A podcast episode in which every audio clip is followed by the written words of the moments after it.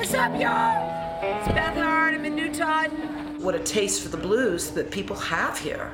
They love it. They they want it, and I think that is neat. You know, just neat.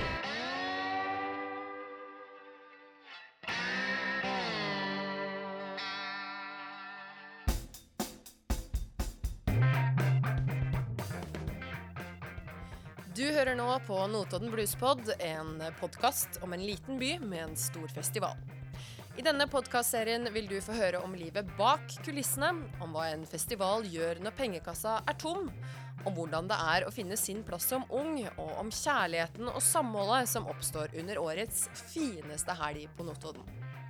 Og det er Åste Kristine Sandvik Hammer, Åslaug Gressvold og jeg, Kristine Løflaten Korslung, som skal ta deg med på denne reisen.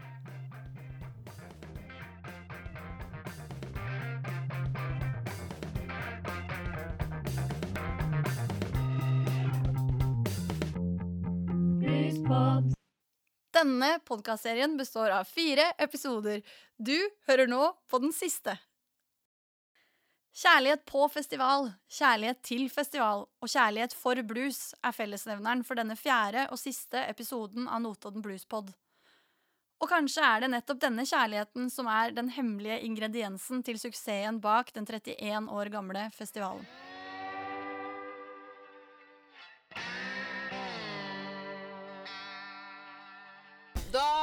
Har vi akkurat parkert dere. Skal til Grønnegata. Grønnbyen. Grønnebyen. Ja. Bjørnstjerne Bjørnsons Det er meg som er innflytter Grønnegata? Det kunne hett ja. Bjørnstjerne Bjørnsons gate. i Grønnebyen. Det er faktisk den fineste gata på Notodden, syns jeg. Det har veldig stort potensial, hvis dere ser her nå. Og i dag så skal vi møte Berit Rønningen. Det skal vi. Berit har jobba som frivillig i festivalen i 30 år. Hun er 70 år gammel dame. Still going strong. 30-årsjubileum i festivalen i år. Hun bor rett bak her. Skal vi banke på? Ja. Skulle, vi skulle jo kanskje tatt med litt kake. Ja, fader. Og vi skulle hatt med kaffe Nei, kake eller kjeks eller noe. Men er det åpent der borte på bakeriet? Da? Nei, vi er forsinka. Vi er forsinka. Vi må faktisk bare gå. Sorry. Unnskyld, Berit, når du hører på det her. Jeg beklager at ikke vi har med kake. Ja, det var veldig urutinert. Neste gang, Få, neste gang. du skal få kake neste gang vi ser deg.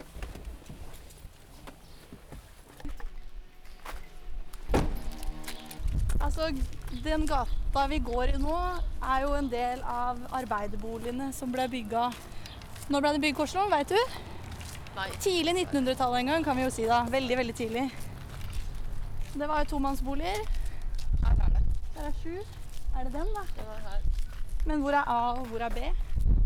Her står Berit Rønningen. Ja, her er postkassa. Nydelig postkasse. Rosemaling. Rosemaling på postkassa si. Og der kommer hun. Der er hun. Hei. Her er vi. Inn eller ut, eller hva vil dere? Eh, Berit heter jeg. Åslaug. Ja, det er ja. Åste Hammer. Hyggelig. ja, det er Hammer. Og Kristine. Ja, det ser jeg at du er Korslung. Ja, det gjør det. Men vet du hva, jeg er ikke på nett. Nei, men det må vi ikke være. Nei. Det går helt fint. Men uh, Det eneste jeg tenker på, er lyd rundt. Ja, de har ja. begynt litt opp på toget, så kanskje det er lurt for oss å koble opp inne. Hvis det går bra. ja. Det kan dere. Skal vi rigge oss litt inn her? Jeg bare slår meg ned, så kan dere Sett dere ned. Kan vi drikke kaffe først, og så kan vi skravle etterpå? Ja.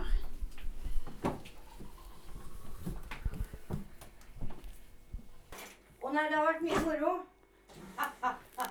Dag og Aud og litt av Nina. Det tror vi på. Det skal du få lov til å fortelle om. Veldig. Nå skal jeg fortelle noe som ingen vet òg. Oi, Oi, det? Tanja og det blir litt sånn eh, avsløring av hemmeligheter i Ja. dagens episode. Er det fra Myrenes dam, det her? Ja. kan fortelle litt om verdensarvsjefen. Og Rune Alia? Han har mange bilder av han inni der. Nå er jeg spent. Har alltid hatt veldig god kjemi, Oh, ja. okay. så vi har hatt mye moro sammen. Og vi er like lett for å le begge to. Men hvorfor eh, Hva var foranledningen til at du ble med på festivalen, da? Nei, fordi at jeg var i hjelpekorpset. Nå har jeg vært i 45 år. Og så da, eh, i 88 og 89, så var det kun festivalen og hjelpekorpset. Ingen andre. At da var de jo bare 16 stykker som jobba, ikke sant? Så da gjorde hjelpekorpset det som ikke festivalen gjorde, for å si det sånn. Det var jo bare to steder, da, vet du. Det var nede på hotellet. Det var samfunnssalen og nede i hotellet. nå snakker vi et av de første åra det var Det var det første året. Det første året, Ja. ja. Og så, så var jeg for, for eh, Røde Kors det andre året òg. Men så måtte det Altså, det, det blei jo større og større. De skjønte jo at dette her tok jo av. Så da var det bare å hive seg på. Røde Kors ble jo spurt om vi kunne hjelpe til. Fordi at eh, de måtte jo, de måtte jo ha førstehjelpere ti- i, i tilfelle noe skulle skje. Det er det jo på alle idrettsarrangementer og alle ting. Så er jo Røde Kors der. Så det var sånn heftig jobbing. Det var så varmt på Samfunnssalen. Jeg lurer på om det var i 89. Ja. Eh, at eh, vi bar folk ut og la dem på nettingbårer utafor hotellet. Fordi de blei overoppheta. de blei aldeles overoppheta, vet du. Og da var de glad da for at jeg bodde så nærme. Jeg var hjemme og henta sprayflasker og dusja og Ja, Var det noen alvorlige hendelser som Nei, skjedde? bare besvimte. Men hadde du mye Altså, du bor jo så nærme sentrum. Eh, dette heim, hjemmet ditt, har det vært Ja. litt eh, med i festivalen, det òg?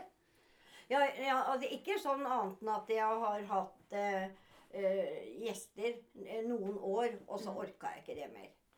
Fordi at det blei så mye jobbing. Og så hadde jeg jo frisørsalong her. Og så Og jeg hadde ikke råd til å skulke jobben, så jeg bytta om og styra og sånn. da, vet du.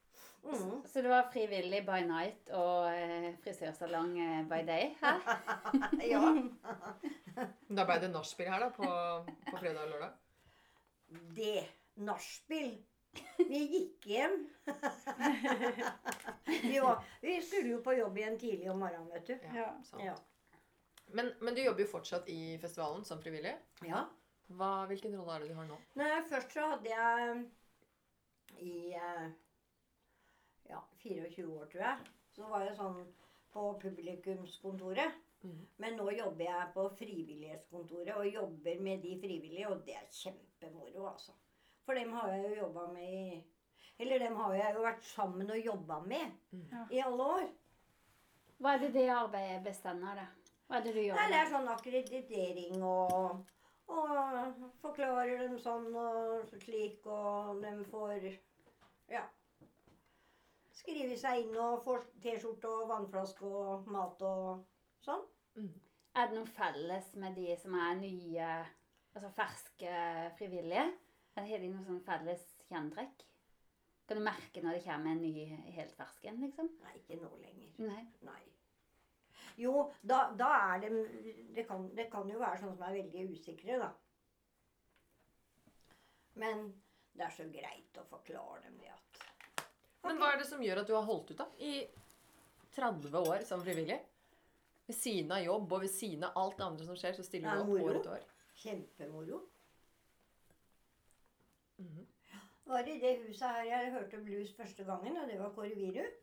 Jeg bodde der inne. Og så bodde tanta og onkelen min og kusina mi hadde soverom der, og så hadde jeg soverom ved siden av der.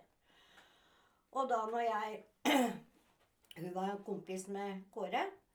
Og når jeg satt og gjorde lekser, da Det er ganske lytt og sånn. Så hørte jeg Kåre komme, og så dro han opp glidelåsen på gitaren, den posen sin. Og da bare løp jeg ned trappa, rundt huset. Jeg ringte på døra, for opp i annen etasje og banka på. 'Kan jeg få komme inn nå?' Så det var mitt første møte med blues. Og fra da Da var jeg tolv år, og da var jeg hekta. Men hvis du er så glad i blues, hvorfor eh, vil du ikke bare dra på festivalen, liksom? Og kjøpe billett? Neste år. Ja. Neste år. Å, du skal det, ja? Ja. Ja, da er du Da skal jeg jobbe bare én dag. Ja. Så jeg får ett pass. Resten skal jeg kjøpe sjøl. Men uh, hvorfor har du valgt å jobbe frivillig alle de åra? Det er moro. Det er moro. Kjempemoro. Så jeg, jeg, jeg elsker byen min. Jeg er sånn bypatriot. Så det skulle bare mangle om vi ikke skulle gjøre en jobb. Syns jeg. Er det mange som tenker som deg? Å ja.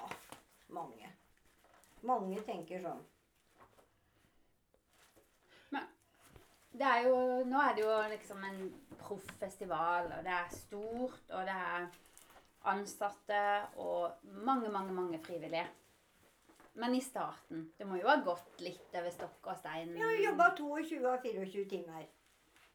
Ja. Ja, så da gikk jeg hjem fra publikumskontoret klokka seks om morgenen. Og så sov jeg en time, og så spiste jeg frokost og dusja og sånn. Og så var jeg på jobb igjen klokka åtte. Oi. Men uh, var det noen uh, Skjedde noen uh, Det har ikke dere opplevd, Myens dam. Jo, jeg kan huske det faktisk. Kan du huske det? Jeg husker det, det var kanskje barnehageblues, da. Ja. At det var det der. Men Ja. jeg, og jeg kan huske at jeg var med mamma og pappa der òg. Det er fantastisk. Mm. Det savner jeg. Ja, veldig fin scene. Der har det vært mye moro der. mm. Og Det ser jo så kult ut der òg. Ser folk sitter oppi fjellknausen der og Men det, de første åra så var det jo veldig lite, lite system. Men jeg må nødt til å Ja, vise fint. dere. Jeg har, jeg har et fantastisk bilde, så kan dere se åssen vi hadde det på Se på det. Det er ikke manipulert. Å ja.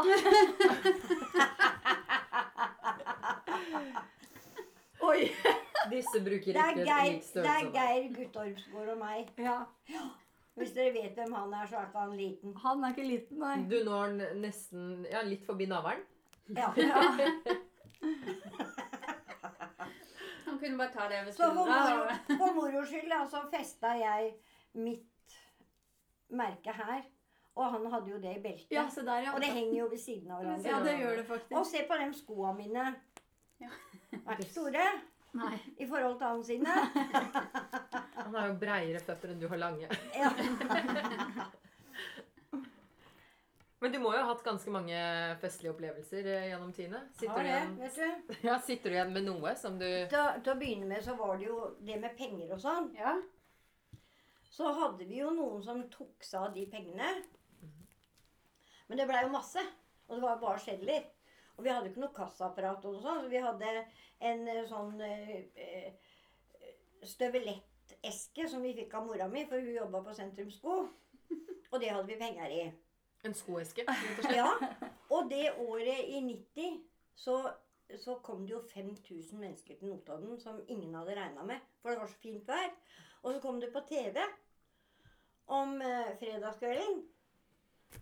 Eller på torsdagen eller noe sånt noe. Og det bare pøsa på med folk.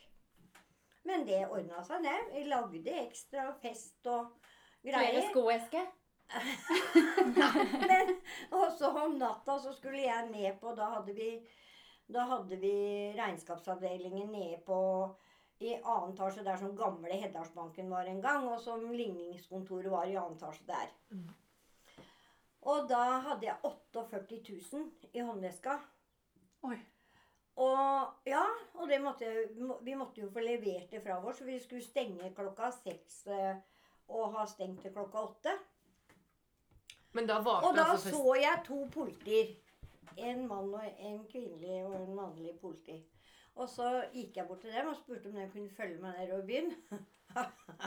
Høyhæla sko og håndvask, håndveske med, med 48 000. Det var mye penger den gangen, altså. Og litt av et ansvar. Og da fulgte de meg ned. Og så var det jo ikke Det var jo ingen som eh, hørte at eh, For det var jo lokt. Så måtte politiet ringe opp, da, og så sier de vi har en dame her gjerne vil komme opp. vi hadde jo ikke det telefonsystemet som er nå. Vi hadde noen walkietalkier. Men det var jo styret som hadde, og vaktledere og sånn på forskjellig sånn. Ja. Men jeg fikk nå opp med den pengene, da. Og jeg har, ligget med 56 000 under huputa her òg, jeg. Året etter. og vi hadde, når vi hadde publikumskontoret på kinoen, første året på kinoen, var Runa Lia leder. Ja, nei, det var jo ingen som kom og henta noen penger. Og da, da var det sikkert over 100 000.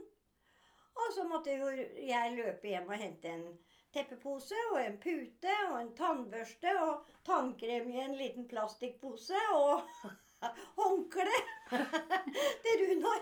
Og så måtte han ligge på teateret om natta For å passe på pengene. og passe på pengene. Så da lå han ned i garderoben. Men sånn er det ikke lenger nå.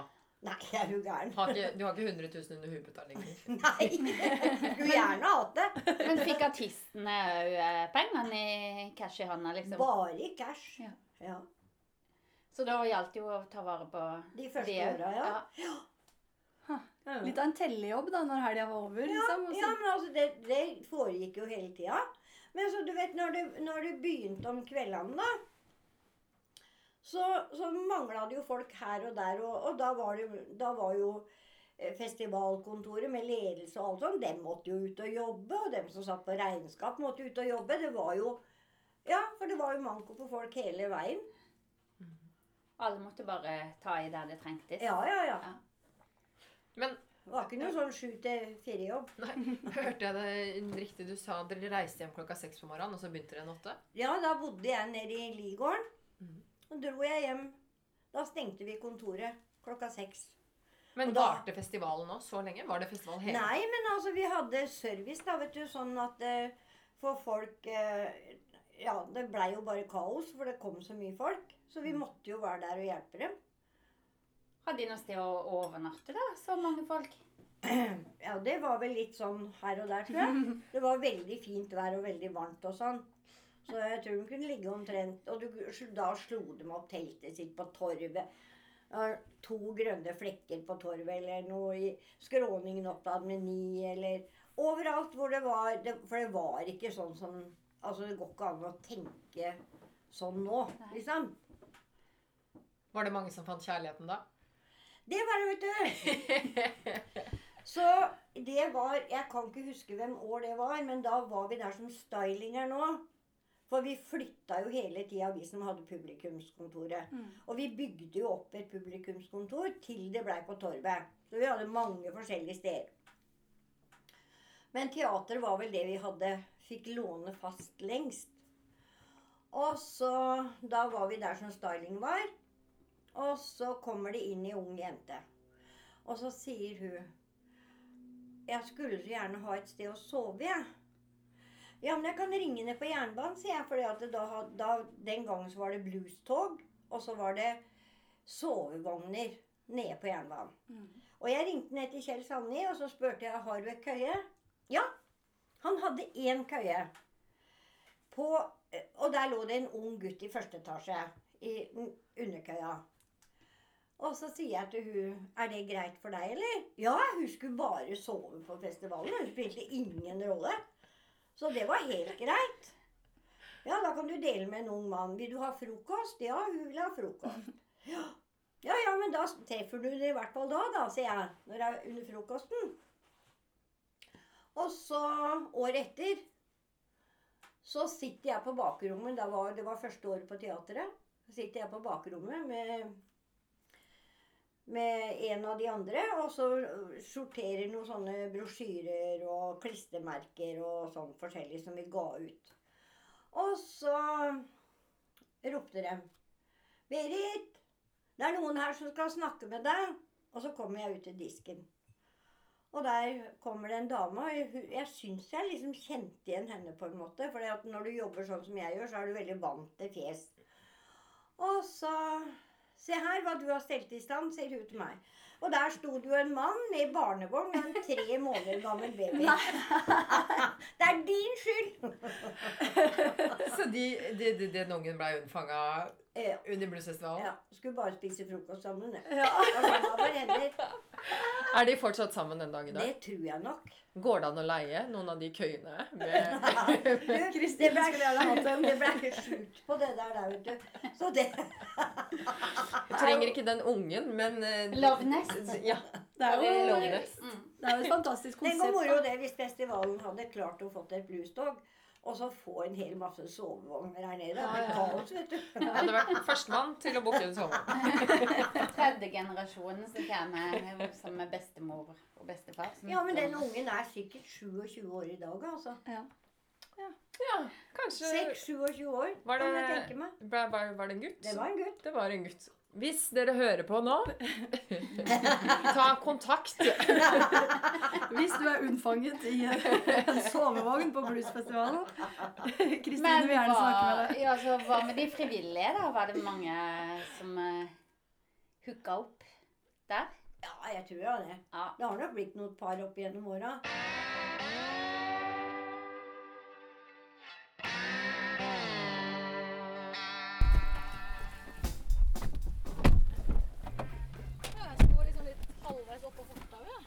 Du har parkert oppå fortauet. Ja, seriøst. Halvveis oppå fortauet. Ja, ja. Men jo, jeg syns òg det var veldig gøy å høre, høre litt om det hun sa om kjærlighet til festivalen, og om alle de som har funnet kjærligheten på festivalen. ja.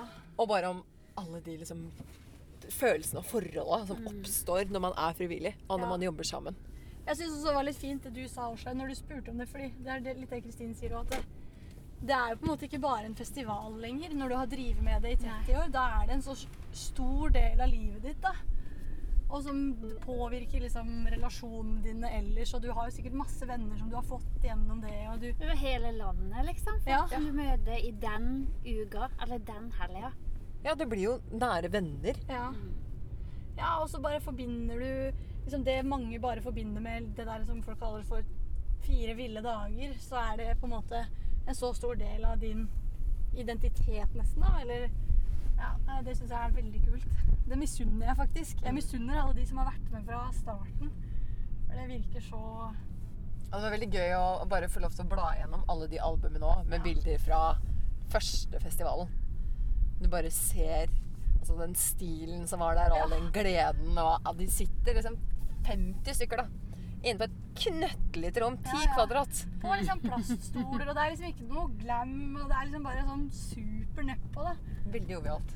Men så er det det derre at eh, man får den innafor opplevelsen, og den kan en jo få nå òg. Eh, som ikke er du, liksom Du kan ikke bare legge det ut på sosiale medier, legge ut en statusoppdatering på Facebook, sjekk hvor kult liksom. det er. Du må være faktisk Ja med på det, og Det sant, det. innafor for å kjenne på det. Ja, og når vi snakker med Mari, og som har vært frivillig, eller snakker med flere andre som har vært frivillige, så de forteller jo sånne historier som er bare sånn det, det høres kult ut, men samtidig så er det sånn du skjønner at de har bare vært så sjukt inni en boble og bare hatt Ja. det så innmari Vært liksom så sammensveisa i den bobla og ja, vært stressa sammen og ledd og nei, der hvelva det i en kaffekanne, liksom. Eller ja, alle de tinga der da, som bare blir så svært fordi du er i den bobla, liksom. Johnny Guitar Watson får hjerteinfarkt. Ja, hva skjedde? Altså, Det der må vi finne ut av. jeg tror jeg hadde blitt litt mer enn skjelven, for å si det sånn. Du står der og har ansvaret for å hjelpe korpset og bare Jepp, hva gjør vi nå? Men òg tenk på de som jobba i hjelpekorpset og bare måtte drive og bære ut alle de varme folka og legge de på, på nettingmadrass utafor. Men det er, jo, det er jo faktisk ikke så lenge siden eh, når det var bryggekonsert. Ja. Det ene året hvor det var så varmt som det fortsatt blir snakka om. Hvor brannvesenet måtte komme og spyle på alle Ja, som sto der. Ja, Jeg husker det faktisk. Ja, ja. Eh, Så, og det var, det var jo kjempekult, da, syns jeg. Jeg var jo liten, men eh, jeg husker det.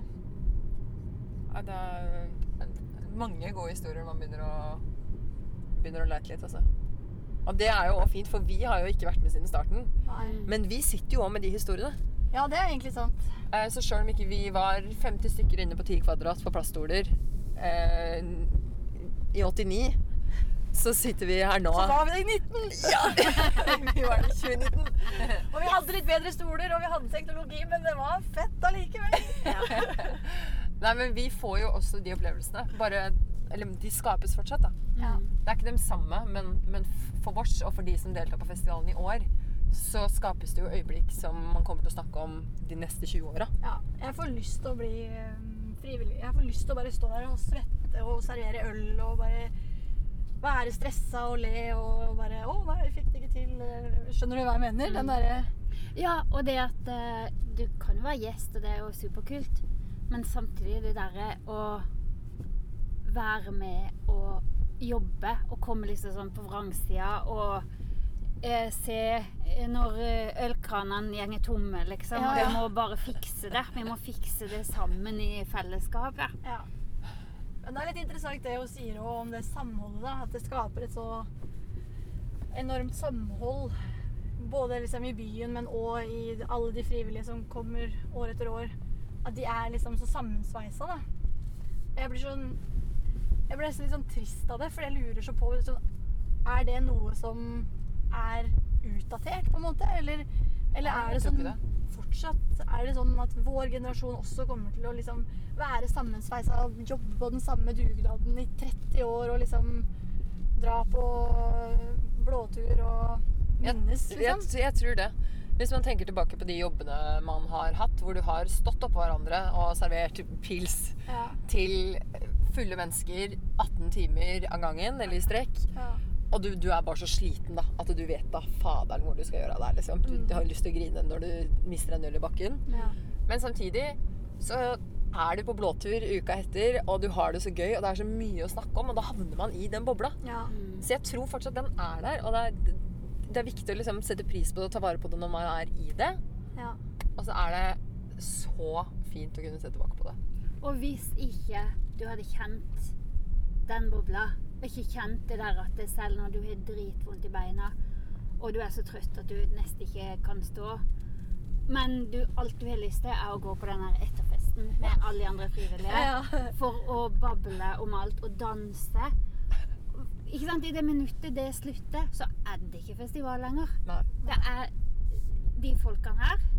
Ja, vi er jo òg med i det, da. ja, det er Vi, ja, sant. vi er det, vi òg. Fader, vi må begynne å liksom bruke det i vår identitet også. Vi er, faen, vi er frivillige. Vi er frivillige. Vi gjør jo det her det er helt jo- på frivillig basis. Og det er liksom en del av Altså, det er jo limet. Det er jo på en måte Det er jo, hadde jo aldri vært festival uten det her. Nei, det hadde ikke det, faktisk. Kjærlighet. Kjærlighet for bluesen. Å, man ser frivillige og de som jobber i bluesen. Mandag etter bluesfestivalen så ligger minimum halvparten rett ut daudsjuke fordi du har jobba deg i hjel hele festivalen. Men, Så kommer det tilbake neste år. men så kommer du tilbake neste år, ja. Ja. Fordi du har det så gøy. Og så skriver de leserinnlegg i telen. Der de kjefter på de andre som klager på. Ja, som Berit. Heia Berit. Heia, Heia Berit. heia Berit, ass. For en rå dame. Nei, da er vi tilbake. Hvor kommer du, syns du? Ja. Skal vi gå inn i studio og fortsette praten? Det gjør vi.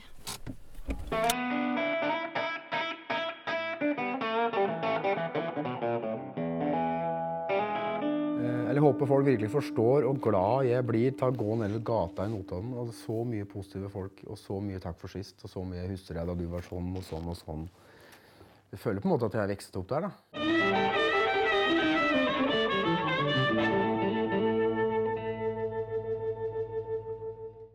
Der hørte dere Amund Mårud. Eh, og klippet det er henta fra den kommende filmen Bluestown Rising. Der både han og Beth Hart, som åpna hele denne episoden her, snakker om sitt forhold til festivalen og blues.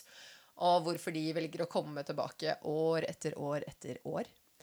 Eh, og det er jo snart et halvt år siden vi starta den prosessen her og gjorde det første intervjuet til podkasten. Eh, det var med Jostein. Ja.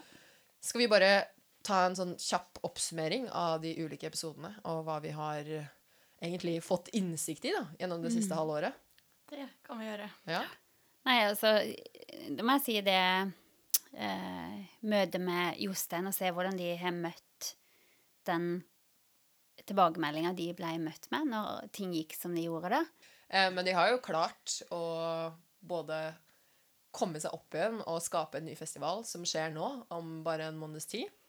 Eh, og de har jo gjort ganske mange tiltak eh, for å høre på folket, da, som de fikk mange tilbakemeldinger på. Ja, de Eh, har jo invitert inn, i stedet for å på en måte gå i forsvar, så inviterte de folk inn med sine forslag, og gjort alt de kan for å imøtekomme det. Mm. Og det syns jo jeg er veldig lærerikt, fordi at man må tenke på at eh, Jostein er ikke Jostein Forsberg her i Notodden. Han er jo Notodden Bluesfestival. Ja. Men det er også ganske Jeg syns det at de har hørt på folk og sånn, at det er en veldig eh, imponerende ting å skulle drive med. fordi er det én ting jeg har lært eh, gjennom denne podkastserien her, så er det at folk mener mye om Notodden Bluesfestival. Ja. Eh, det er ikke én person vi har snakka med som ikke har nevnt et eller annet ønske eller en eller annen ting som var bedre før, eller en eller annen ting som må være litt bedre, eller som kan fikses på, liksom. Så, så det er jo helt enormt mange som mener noe. Eh, så at de istedenfor å på en måte bare kjøre på og gjøre det de selv tenker er best, velger å lytte til folket og faktisk eh, utføre de tinga, da. Mm. Det syns jeg er veldig imponerende. Og det er en stor jobb. Ja, det er det. Og det er jo altså, mange som er på festivalen, kan eh, mene ditt og datt og tro at de sitter med svaret, men det er jo til syvende og sist Jostein og Mari og Runar og de som har jobba med det i 31 år, som har fått all den erfaringen som kanskje trengs for å drive en festival. Ja, og så er det så mange grunner til ting ikke sant, som folk ikke veit om, og sånn, som er liksom ja, som, som folk ikke tenker på. da, når det, ja, men det er jo bare å gjøre sånn, eller det er jo bare å gjøre sånn. Men så, nei, det er ikke bare å gjøre sånn fordi sånn og sånn. på en måte. Ja. Og de grunnene de sitter Jostein og, og Runar og, og Mari på. da. Ja. Eh, men allikevel så, så velger de å gå ut og, og spørre, da. Hva vil dere ha? Og vi hørte jo, eller vi fikk jo litt innblikk i det i den debatten vi hadde med ordfører Mm. Gry og Jens Marius Hammer, som er redaktør i Telen, og Nanna, eh, som snakka litt om forholdet da, mellom festival, kultur og by.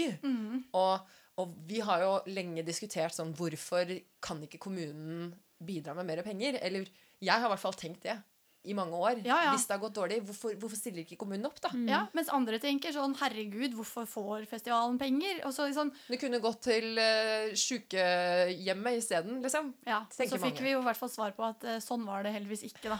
Så det er ingen som sulter på Haugmotun, heldigvis, på bekostning eller sånn på grunn av bluesfestivalen. Men uh, Ja, og så er det jo akkurat det at Som kom fram i den debatten der, at det er utrolig mange ulike meninger. Det finnes ikke ett fasitsvar.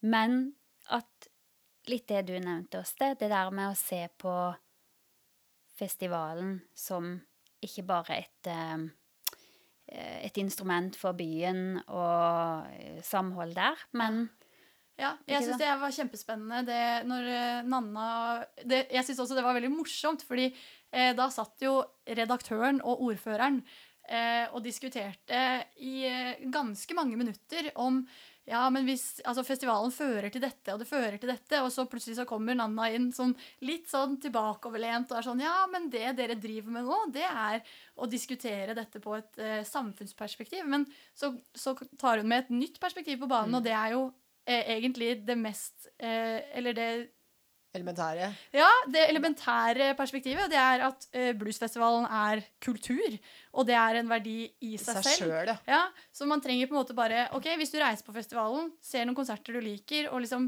eh, får utbytte av det, da, så er det en kjempestor verdi. Mm. Og da trenger det ikke nødvendigvis å føre til alle disse ringvirkningene da, som folk er så opptatt av. Jeg hadde nå glemt det, litt før Nanna sa det. Ja, så går det litt sånn ut av hudet til fly forbi, fordi herregud, bluesfestivalen er jo så sjukt viktig for meg og for alle som bor her. Mm. Og, og det er mye mer enn bare en annen festival som jeg reiser på fordi jeg har det gøy. Ja, Jo, Men så er det en festival mange reiser på for å ha det gøy. Ja, for det var jo nettopp det eh, som kom fram når vi snakka om det med hvordan man skal nå fram til unge, og den frykten for eh, Hvor er ungdommen? Hvor er de hen? Og så det at jo, men de kommer og oppdager sine ting når de vil, og eh, om de vil. Eh, man kan ikke liksom tekkes de unge på en måte. De må skjønne at dette her er en verdi som de kan oppsøke for å ha det gøy. For å ha det gøy til kul musikk. ja, dans det. og da- og danse. Og drikke og være med venner. Ja, møte en gubbe eller to òg kan man jo gjøre, og det er ikke noe gærent i det. Ja. Ja. sove i toget, en køye og få et barn. for Ja. eksempel. Hvorfor ikke? Altså, her er det mange muligheter. Notodden Bluesfestival har mange muligheter. Men akkurat det, da, i den siste episoden her eh, De frivillige som på en måte bærer den her festivalen. Mm. Dere er jo vokst opp i festivalen, og kanskje på en måte bare Den har vært der hele tida for dere. Men um, jeg er jo en nyinnflytta, eller jeg flytta her til for snart tre år siden. Og mitt forhold til bluesfestivalen før det var uh, at jeg hadde vært her en gang og sett at folk ble fulle og sovna i parken. Uh, hadde ikke så veldig forhold til det. Men første året jeg var på festivalen, så fikk jeg jo være med som frivillig. Og ikke sant? Da skjønte jeg bare eh, hvorfor det er så bra Du blei bitt av den basillen som, som Berit snakker om. Mm. Og det er jo en verdi i seg sjøl. Det at du, man gjenger sammen om noe. At hele byen stender på beina sammen eh, for å skape noe sammen. Og at man kan være en del av det. Det er, ja, jeg er helt enig, og det er helt sant. Eh, og jeg tror nok for oss som har vokst opp på Notodden, så har jo bluesfestivalen alltid vært der. I hvert fall for oss som er eh, under 30. Eh, og det har vært en del av hele oppveksten, for det, er, det skjer første helg i august hvert eneste år, og det er liksom høydepunktet, da. Eh, jeg husker hvis, hvis jeg var på ferie under bluesen, så var det jo helt krise. Heldigvis ja, så er som regel både mamma og pappa også på bluesfestivalen, men, men hvis det lå en ferietur der, da, så var det sånn Hæ? Skal jeg ikke få med meg bluesfestivalen? Det er jo høydepunktet gjennom hele året. Må jeg vente enda et år før det skjer igjen, på en måte. Um, men jeg tror nok også at de verdiene, eller det man ønsker å oppnå ved å reise på festivalen, det endrer seg fra man var fem da, til nå, hvor vi har bikka 26. Ja, Og så er det forskjellig fra person til person. Og det er også noe som, som eh, jeg tar, ut, tar med meg videre fra den prosessen her, er at bluesfestivalen er mye forskjellig for mange forskjellig. Noen vil ha eh, den friheten og den ekte ekteheten, og noen vil ha suggeblues, liksom. Og noen vil eh, sitte og høre på den kassegitaren i tre dager i strekk, og det, det er lov, og det er lov å Liksom, alt er lov, da. Eh, og du har lov til å ville eh, hva du vil på Notodden Bluesfestival. Du har lov til å, å ønske deg hva du vil fra den opplevelsen, da. Og det er Altså, festivalen har vart i en Altså, det er det 31. året nå. Og det kan jo hende vi egentlig kanskje har funnet svaret i hele den siste episoden her. Hvorfor har Notodden Blues Festival klart seg i så mange år? Ja, og, hvordan skal den klare seg i 30 år til? Nemlig Ja. når du og jeg, eller vi tre, på en måte Da er det vi som er 60. Sitte med gåstolen. Ja. ja. hvordan skal vi få lov til å oppleve Notodden Blues Festival når vi er 60? Jo, det er på grunn av all den kjærligheten som ligger der, da. All den eier, eller følelsen av eierskapet, alt som på en måte hver enkelt person har til Notodden Blues Festival på hver sin måte. Jeg, tror, jeg tror det er det. Ja, og da tenker jeg veldig på i fjor sommer, når vi var frivillige. Eh, og Ja, dere, dere var jo, jobba jo i sosiale medier-teamet. Eh, var rundt på konserter, intervjua folk, publiserte det for Bluesfestivalen. Ja, og det var noe helt eget, faktisk. Man følte, man følte seg som en del av et større maskineri, på en måte.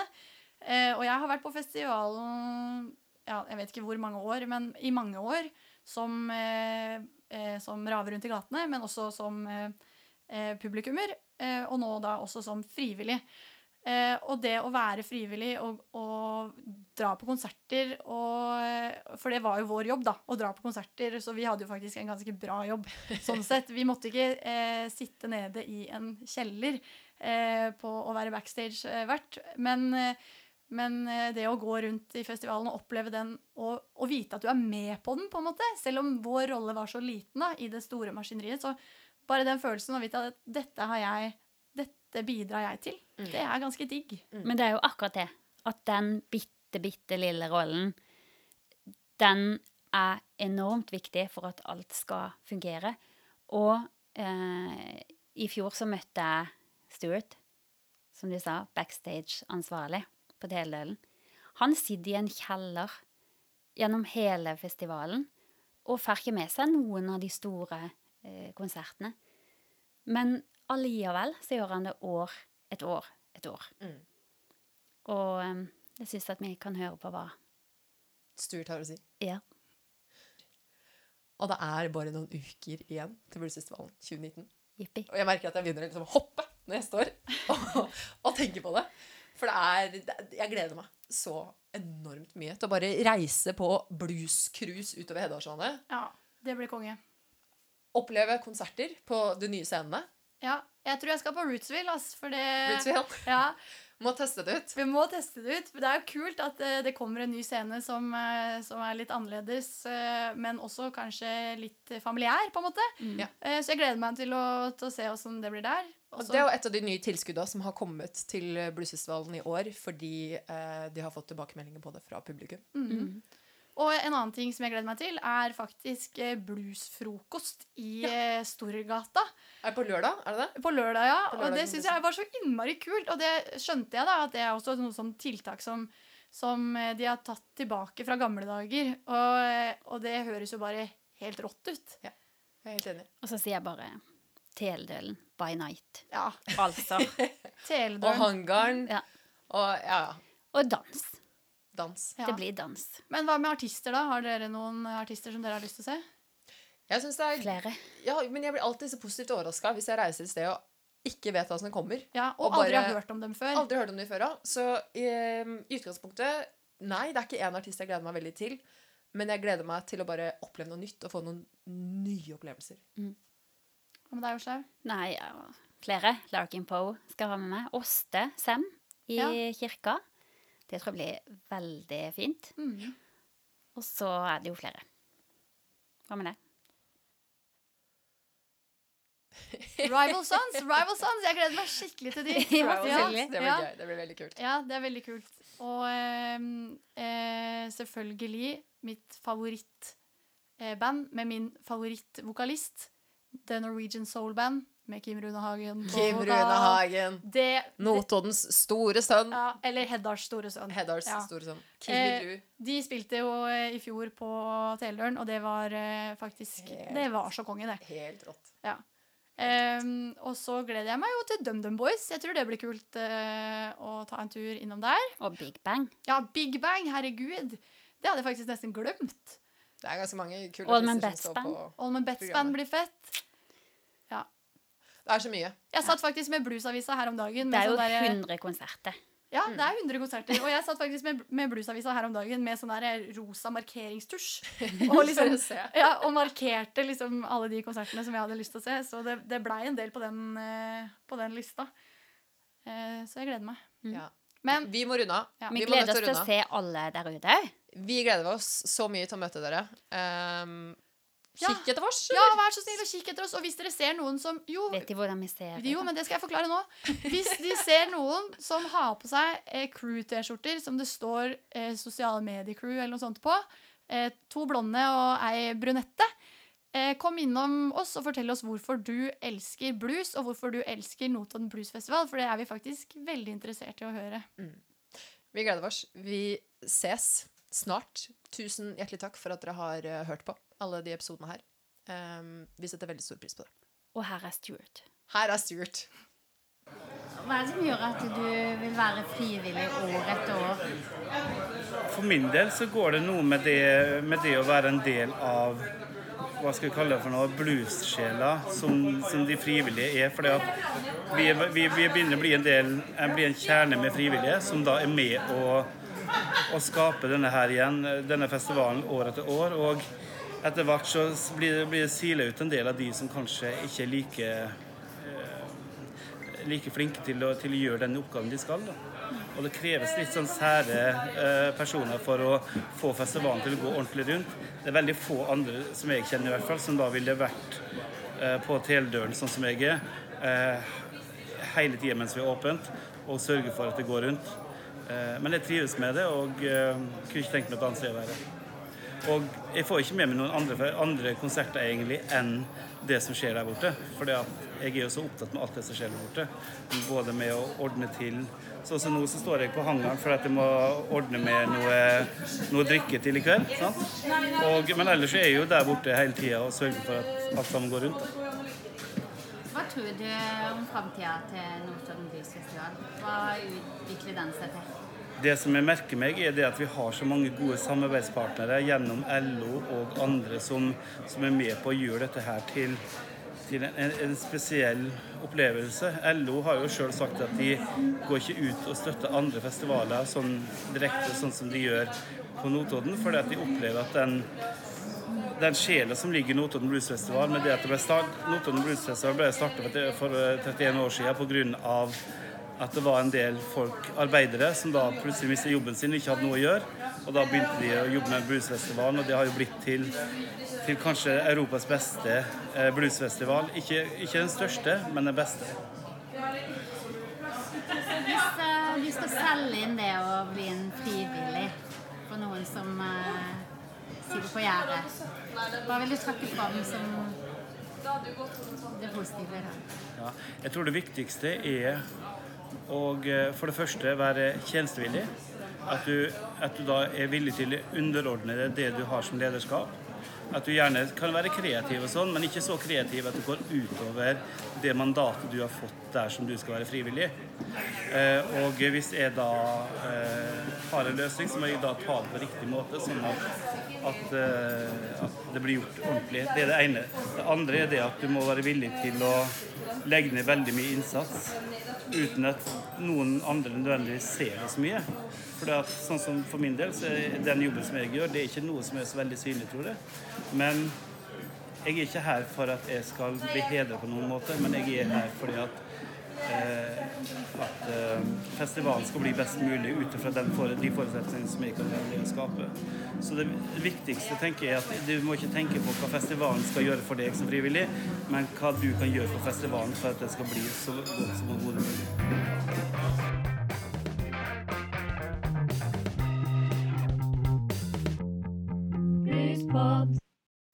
Tusen takk til alle som har latt seg intervjue til dette podkastprosjektet. Takk til Halvor Halvorsen og Juke Joint Studio for lån av utstyr, Bård Gunnar Mo for hjelp i studio, Simen Nykås for hjelp til redigering, Kjersti Hortemo Skottet for jingle, Kings Mountain Productions for klipp fra Bluestown Rising og Notodden Bluesfestival for oppdraget. Og takk til oss, Kristine, Åste og Åslaug for samarbeid og gjennomføring. Og tusen, tusen takk til deg, kjære lytter, for at du hørte på. Vi ses på festivalen.